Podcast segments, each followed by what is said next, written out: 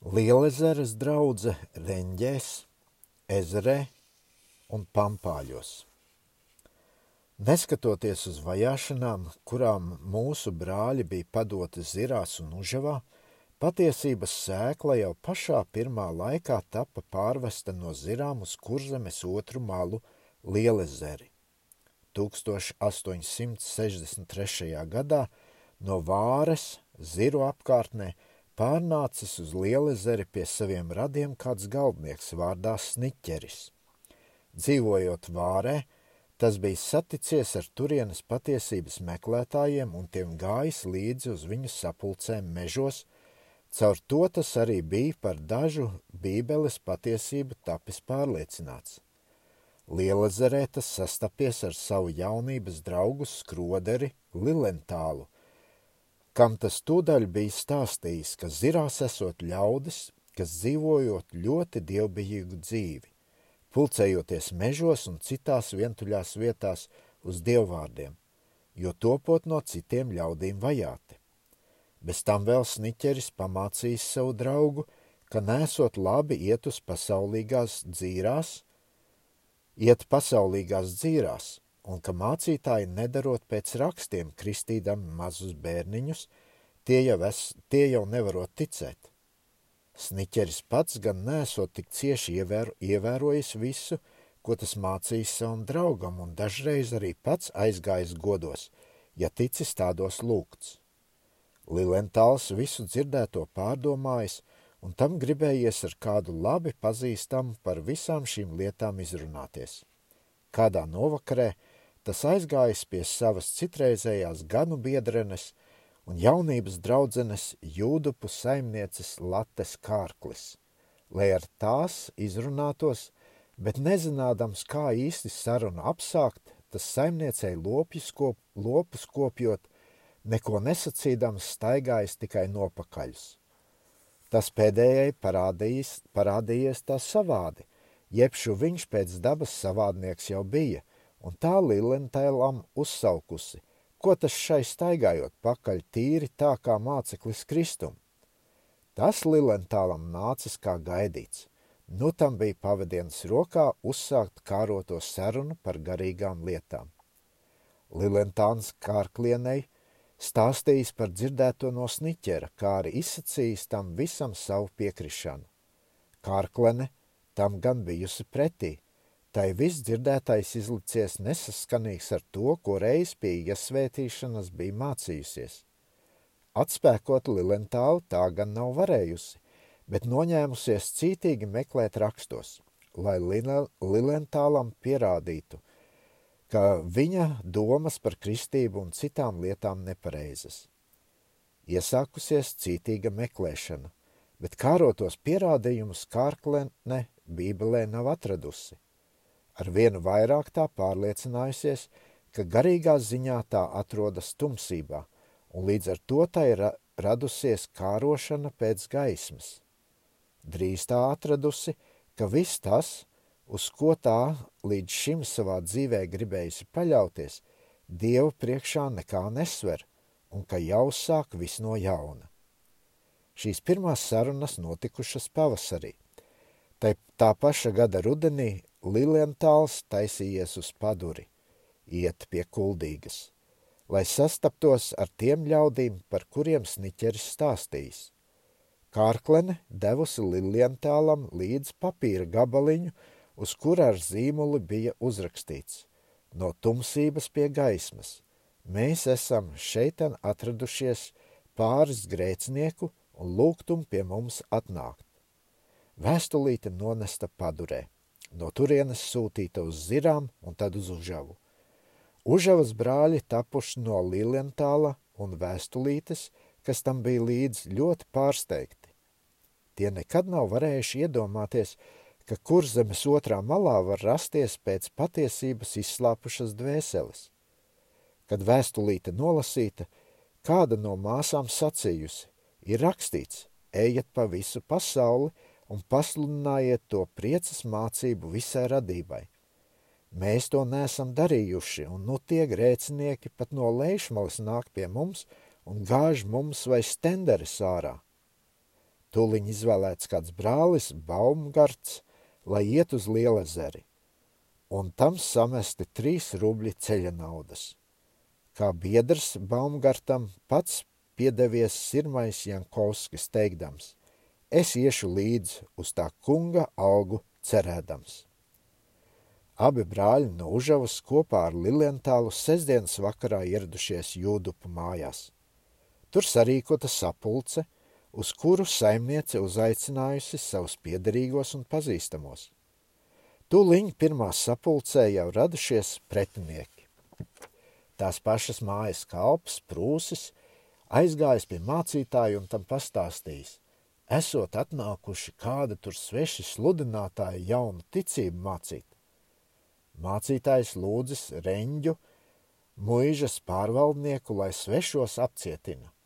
Muižkungs sarīkojas ratus, zirgus un vīrus, lai brauc svešniekus apcietināt, bet jūdupē to jau pie laika pamanījuši, un saimnieks izlaidis savus ciemiņus pa mājas otru pusi, caur dārzu un lauku, un lauku uz mežu. Ķerēji atbraukuši vēl otru reizi naktī, domādami, ka bēgļi būs griezušies atpakaļ naktsmājas turēt, bet tas nebija noticis.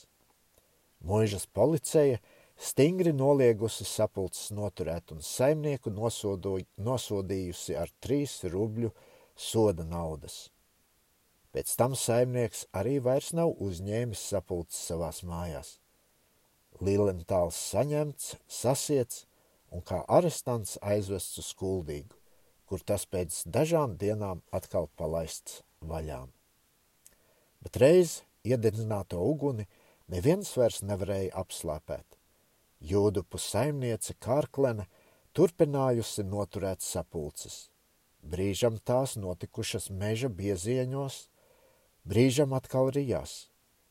Ar autiņu apklātas mīkst, mīstīklas piedarbā kalpojušas par galdiņu, uz kura nolikta bībele un dziesmu grāmata. Klausītāju esot bijis ap četrām līdz septiņām personām.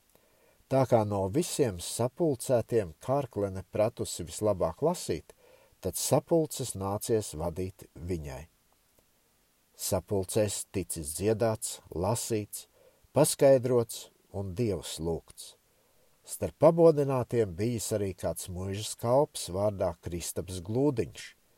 Aizkustinātam no dzirdētā dievu vārda – Tam radusies vēlēšanās iegādāties bībeli. Reiz tam nācies muižas uzdevumā buļļus dzīt uz Jelgavu, tur tas nopircis sev kāroto grāmatu. Lasot bībeli, glūdiņas sirds jau vairāk iesilusi priekš dievvvārdu sapulcēm, un tas uzaicinājis kārkleni un tās biedrenēm nākt un noturēt sapulces viņa istabā. Tas arī noticis, bet sapulci atkal pārsteigusi muižas policeja – un dalībnieki sasieti un aizvesti uz tiesas namu. Tur piespriests visām dalībniecēm dienu cietums, bet Kārklenei, kā sapulces vadītājai, divas dienas un glūdiņam, kas sapulci uzņēmis, bez cietuma vēl 30 pletnes, kuras tam bija stūliņ jāsaņem. Glūdiņš, kas tagad vēl starp dzīvajiem saka, ka pirmie cirtieni gaužām sāpējuši bet vēlāk tas sāpes vairs nesot jutis. Tikai tad, kad mājās pārnākušam sievatam lasījusi ārā no muguras miesās iecirstās krekla plūksnes, sāpes bijušas lielas. Ezeres muižas cietumā ieliktas sievas dziedājušas, un daudz no muižas ļaudīm nākuši klausīties. Ap vakaru tās izlaistas, no, izlaistas cietuma priekšistabā, kur sapulcējušies vairāki vīri un sievas, kas apcietinātos gan izjautājuši, gan izsmējuši. Tomēr radušies arī aizstāvētāji. Kāds no pēdējiem apcietinātām pat atnesis divas siļķes. No cietuma izlaista kārklene jutusies iekšķīgi spiesta spērt vēl pēdējo soli, un pēc tā kunga pavēles likt sevi kristīt. Ilgi nedobādama, tā no cietuma iznākusi, apņēmusies jūdzas 15 tālo un nezināmo ceļu uz paduri, kur eglīts no zirām tai bija apsolījies būt pretī. Ceļš bijis grūts, jo pašlaik valdījis pavasara atkusnis, sniegs kusis nost un upēs gājis ledus. Pēc divām dienām kārklenes sasniegusi paduri. Tur dzīvojuši brā, daži brāļi un māsas, kuras eglīts mēdzis no zirām nākt apkopt. Bet tā kā to svētdienu bijis ļoti nelāks laiks, tad eglīts nav atbraucis, un kārklenei nācies kristību nesaņēmušai griezties kāju atpakaļ.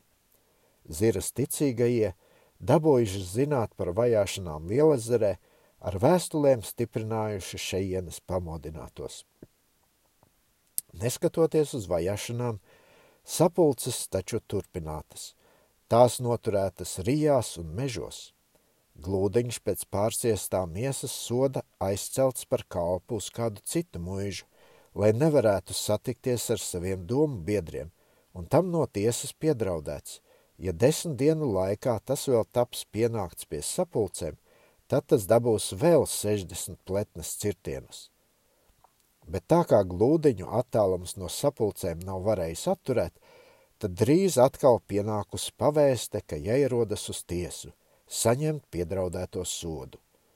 Glūdiņa sieva bijusi ļoti nobēdājusies, ka tās vīrs šo miesas sodu vairs neizturēs, tā kā tas nesen jau vienu sodu bija saņēmis.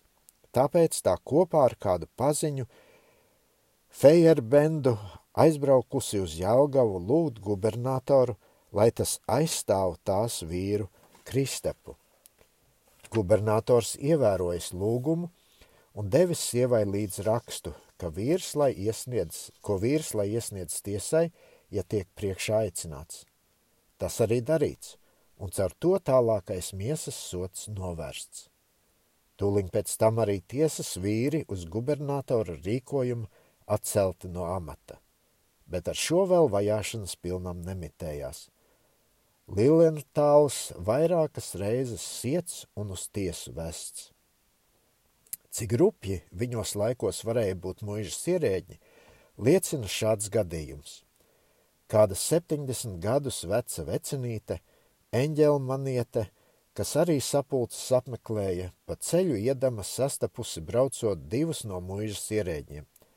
Tie apturējuši zirgu un iecirtuši vecinītai vairākas reizes ar pātagu saugdami.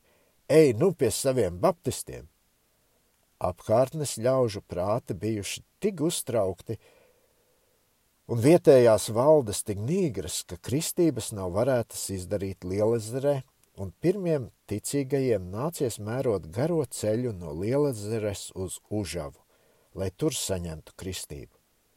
Pirmais no ezerniekiem tapis kristīts Līlentāls 1864. gada vasarsvētkos. Drīz pēc tam uz Užavu arī aizgājusi Kārklene, līdz ar vēl kādu sievu, kur tās kristītas Užavas ķēļu mājās. Kā pēdējais uz Užavu aizgājis glūdiņš ar savu sievu. Nokristīti tie pārnākuši sveiki atpakaļ, bet nu tos sagaidījušas jaunas bēdas. Tiklīdz vietējās muižas pārvaldnieks dabūjis zināt, ka muižas kalps glūdiņš kristīts, tas to atlaidis no vietas, un arī pagasta saimniekiem aizliedzis glūdiņu par kalpu pieņemt. Glūdiņam nu nekas cits neatlicis, kā griezt muguru savai dzimtenei kurzemē un līdz ar sievu un bērniem iet uz dzīvi lejušu robežās. Pārceļoties ar visu savu kalpa, vīra mantību pāri ventas upi, tam izprucis uz ratiem sivens, iekritis ventā un noslīcis. Uz plostā esošie izsmējuši glūdiņu un teikuši, ka tas dieva sots. Lēšos glūdiņam tomēr drīz izdevies uzņemt kādas rentes mājas, bet neskatoties uz kontraktu, pēc viena gada tam tās bijis jāatstāj. Kungs bija dabūjis zināt, ka glūdiņam sveša ticība, un tādu svešticībnieku tas negribējis savās mājās ciest. Vēlāk glūdiņš tomēr iedzīvojies un turējis uz renti vairākas mājas un muižas gan lēšos, gan kurzemē, un ik katrā vietā cēlis tam kungam altāri, atvērdams savas pajumtes durvis dievu vārda sapulcēm. Pēdīgi taču liela zeru, liela zeres patiesības meklētāju sapulces atradušas viesmīlīgu uzņemšanu vecjūdupes mājās. Tas noticis tā. Minēto māju saimniece Mada Eihman nomanījusi, ka jaunticībnieki mēdz sapulcēties mežā, kas atrodas netālu no tās mājām, un kādu dienu, kad jaunticībnieki atkal viens aiz otru devušies uz minēto mežu, tā paslepus tiem sekojusi un aiz krūma noslēpdamās noklausījusies vajāto ļautiņu dziesmās, lūkšanās un paskubināšanās.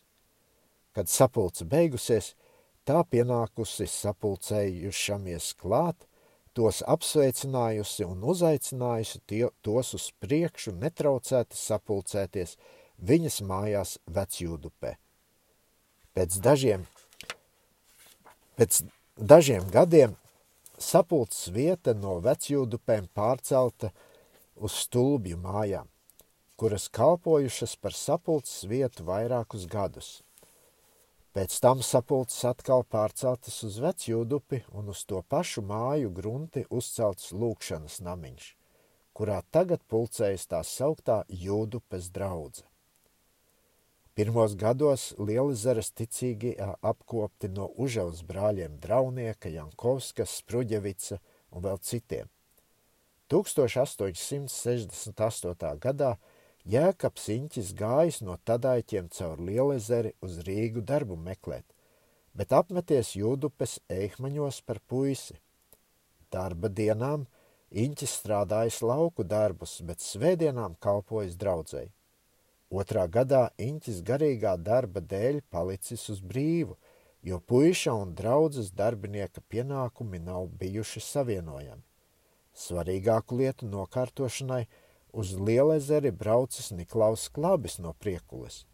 Lai gan vietējā pagastiesa dēļ dažām nelikumībām bija no augstākas valdības iestādes tikusi atcelta, tomēr viņas pēcnācēja – arī uz priekšu nematējās dažādi traucētas sapulces. Kad klabis reiz bija ieradies vecjūdupē, lai vietējiem locekļiem dalītu vakariņu, pagasta valde to zināt dabūjusi, atsūtījusi pāris vīru, kas visu dienu stāvējuši tā nama priekšā, kurā bija jānotiek svinīgai sapulcei, un nevienu nav laiduši iekšā. Vakaram iestājoties, sargi aizgāja uz krogu, un vietējie brāļi un māsas, domādami, ka nu atkal viss labi, pulcējušies minētās mājās pie vakariņa dalīšanas. Bet drīz vien sargi atgriezušies piedzēruši atpakaļ, ar lielu troksni iebrukuši minētās mājās, izdzinuši, izdzinuši sapulcējušos un klabi sasietu aizveduši uz cietumu, no kurienes tam bijis jāmēro kā arestantam 12 jūdzes garais ceļš uz kuldīgu pie pilstiesas vietējo mājas saimniece, kura priekš divi dienām laimīgi sagaidījusi jaunu pasaules pilsoni, caur pārdzīvoto troksni un uztraukumu, tā saslimusi, ka tai vēl ilgs laiks bijis uz gultus jāpavada. Iņķa darbības sākumā izcēlušās arī sapulces ezerkalēju jeb kalbelšu mājās. Tas noticis tā. 60. gadu beigās Ezeres muižā tapis ticīgs kāds jauneklis, kas ar visu sirdi nodevis liecību par to, ko tas pie savas dvēseles piedzīvojis. Šāda liecība nav palikusi bez augļiem, bet pamodinājusi vienu un otru no apkārtējiem iedzīvotājiem. Pamodinātie atraduši laipnu uzņemšanu ezerkalēju mājās, kur vietējais saimnieks Jānis Puķe tiem atļāvis noturēt sapulces. Tomēr ilgi šejienes ticīgajie nedabūja mierā dzīvot. Vietējais barons noliedzis saviem saimniekiem uzņemt savās mājās jaunticībnieku sapulces. Pēc aizlieguma gan vēl dažas reizes notikušas sapulces minētās mājās, bet tā kā tas tomēr bijis visai nedroši pārkāpt aizliegumu, tad sapulces noturētas dažās vietās zem klajas debesis. Starp citu, arī Gransbedrēs pie čāpu kapiem. Kādā svētdienas rītā, kad vajātie bija sapulcējušies jau pieminētās Gransbedrēs, atnākuši vajātāji un no, sapulcētos no bedrēm iztriekuši. Sapulces vadītājs Inķis, redzēdams, ka sapulcēšanās tiek izjaukta, aizgājis uz griezes baznīcu, kur vēl dievkalpošana nebija sākusies, un izstāstījis vietējiem mācītājiem notikušo. Lūdzis, ja neatļaujot viņiem savu dievkalpošanu turēt bedrēs, tad lai atļaujot to darīt baznīcā pēc vispārīgās dievkalpošanas. Mācītājs atteicis, ka to viņš atļaut nevarot. Iņķis atteicis, ka tad tie turēšot savu sapulci aiz baznīcas mūra – Uz to mācītājs iebildis, ka tādā gadījumā viņš saviem perminderiem liks sapulcējušies aizdzīt. Saņemdami tādu atbildi, vajātie aizgājuši uz netālu no baznīcas atrodošo smežmali, kroņa īpašumu, un domādami, ka uz kronim piederīgās vietas tie netraucēti varēs savu nodomu izvest, sākuši dziedāt un dievu lūgt. Bet sapulce arī tur izjaukta un par sapulcējušamies iesniegta sūdzība kuldīgas pilstiesai. Apsūdzētiem skaitā 13 nācās mērīt 12 jūdžu garo ceļu uz kuldīgu. Pilstiesa piespriedusi visām apsūdzētām sievietēm 12 dienu ilgu cietuma sodu un vīriešiem 15 pāru rīkstes – Tā kā notiesātie gribējuši spriedumu pārsūdzēt, tad miesas sots izpildīts tuliņ. Tikai īņķim tas atlikts, jo tas pat laban bijis slims. Viņam nācies pēc kāda laika vienam iet uz kuldīgu, lai savus sodus saņemtu. Par to, ka ezerkalēja mājās sapulces noturētas arī pēc aizlieguma, vietējai saimniecei arī piespiedz 12 dienu ilgs cietums sots – Tomēr tas minētās mājas saimnieku nav atbaidījis no patiesības ceļa. Tikko nākuši brīvāki laiki, tas atkal atvēris savu pajumti sapulcēm, kuras tur noturētas līdz 1878. gadam, kad uz tās pašas mājas grunts uzbūvēja lūkšanas namu. Jēkaba Inķa darbības laikā Patiesības sēkla tapa arī pārnesta uz kaimiņu pagastu pampāļiem. Pirmie, kas no turieniešiem tapa ticīgi, bija Garens un Pelēķu māju saimnieki. Abi šie vīri, izdzirduši par jauno ticību Lielezerē, braukuši jaunticībniekus redzēt, bet sapulcē dzirdētais vārds tos tā ķēris, ka tie nav ātrāk mieru jutuši, tiekams darījuši to, uz ko tiem aizrādījusi viņiem zināmā sirds, apgaismota no Dieva vārda. Abi pieminētie brāļi kristīti Lielazarē. Viņu mājās arī noturētas pirmās sapulces pampāļos. Par to tie tikuši aizsaukti pie mācītāja. Pēdējais ņēmis abus stingri norāt un teicis, ka tādu šmuci savā draudzē nekad neielaidīšot, un apsolījies gādāt, ka Garens un Pelēķis – tikšot no mājām izsviesti. Uz šādu piedraudējumu Garants atbildējis, par to nekas, jo rakstīts stāv, kas miesā cieš, tas mitas no grēkiem. Par šādu atbildi mācītājs palicis ļoti nikns. Uzsauc abiem saimniekiem, ja tie tik gudri esot, tad lai ejot pakārties. Abi saimnieki arī vairāk nekā nav gaidījuši, un ar dievas pasacījuši gājuši uz mājām. Lai gan mācītājs savu draugu ļoti biedinājis no baptistu mācības, to saukājis par skrodera ticību, tomēr tas maz līdzējis. Pelēķa un Garences saimniekus no mājām gan neizsvieda, bet to gan, bet to gan panāca, ka sapulces viņu mājās tapa noliektas. Nu, pampāļniekiem bija svētdienām jāmēro ceļš uz Lielezeri, bet pēc kāda laika šis aizliegums tapa atcelts – un pampāļnieki atkal svabadi pulcējās pelēķos. 1898. gadā uz pelēķu māju grunti uzcelts mūra sapulces nams. Jēkaba Inķa darbības laikā trīs draudzītes atradās zem Inķa vadības, bet pēdējam ap 1888. gadu uz pilteni pārceļoties pampāļu draudzīte palikusi par patstāvīgu. Ezeres un Reņģu draudzes vēl ar vien turas kopā. Pēc ciņķa aiziešanas viņu vadību uzņēmās no Jelgavas pārnākušais Jūdupes saimnieka vecākais dēls Jānis Eikmanis. Un no 1910. gada sākot, kad pēdējais tapa ievēlēts par sludinātāju Ventspils draudzē, abas minētās draudzes atrodas viņa brāļa Žaņa Eikmaņa vadībā. Tagad reņģu draudzes skaitā ap simt locekļu, ezeras draudzē ap 90 un pampāļu draudze ap 80. Sabiedrības juku laiku sākumā Lielezeres novadā visas trīs draudzes pieturējušās vairāk bijušās sabiedrības priekšnieka Rumberga pusē, bet vēlāk palikušas neintrālā jeb bezparteiskā stāvoklī. Kad 80. gadu beigās Rīs sāka atkal pulcināt draudzes ap tagadējo sabiedrību, tad Lielezeres draudzes tūliņ pievienojušās šai sabiedrībai no Lielezeres evaņģēlijas sēkla pārnesta uz Kauņas guberņu, kur izkaisītas, izkaisītas tur starp tur dzīvojušiem iegājējiem latviešiem, kā arī uz saldu. Pirmie, kas saldu kaisīja evaņģēlijas sēklu, bija Jēkabs Inķis un kāds Lielezeres draudzes loceklis Fricis Skubiks. Sākumā saldus draudzīte bija kā stacija pie Lielezeres, un tapa apkopta no jēkaba Iņķa, kamēr Iņķa palīgs saldu Fricis Kronlins iesti, iestiprinājās un uzņēmās draudzes vadību. Kronlina, Kronlina laikā uzbūvēja tagadējo lūkšanas namu. Būvas darbus vadīja Kronlins pats, amatnieks būdams, pēc sabiedrības būvkomitejā apstiprinātā plāna.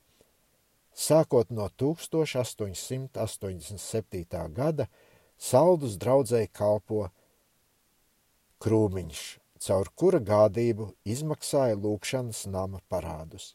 Tagad jubilējas gadā draudzītes skaita 66 locekļus. Pārskats par draudzēm lēšos, kas savu gadu gaitu jau beigušas. Draudzes, kas savu gaitu beidz, ir viena no visbēdīgākām parādībām Dievu valstības druvā. Tas dod liecību, ka pamats, uz ko draudz celta, nav bijis īstais, vai atkal draudze pati novērsusies no īstā pamata un tāpēc nav bijusi spējīga savreiz uzsākto gaitu turpināt. Tomēr neviens ne otrs iemesls nav bijis par pamatu šeit minēto draudzīšu iznīkšanai. Lai saprastu šo draudzīšu gaitu, jāsaka vispirms pāris vārdu par viņu izcelšanos. Vajāšanas, kas uzbruka mūsu pirmiem brāļiem sākuma laikos kurzemē, piespieda vienu un otru no vajātiem kurzemi atstāt un uzmeklēt sev vietu, kur tas varētu mierīgi un netraucēti dzīvot. Daži no šiem vajātiem bija vīri ar uzņēmības pilnu garu. Tie atstāja savu dzimteni nevis aiz mazdūšības, bet gan tāpēc, ka dzīve pašu pagastā tiem bija patiešām neiespējama. Viens un otrs no šiem vajātiem atrada patvērumu lēšos, uzņēma tur uz renti mājas un ar laiku arī muižas un tā turpināja savu laicīgo dzīvi. Tomēr uzticīgi palikdami tam, ko reiz atraduši savā dzīvē par dārgāko. Šo citkārt vajāto ļautiņu pajumtē – Dievvvārdu sapulces ar vienu atrada laipnu uzņemšanu. Pie šādiem ļaudīm pieskaitāma glūdiņš iz Lielezeres, burķevicis kuldīgas, birznieks, garozis, zikmanis, priekules un vēl citi.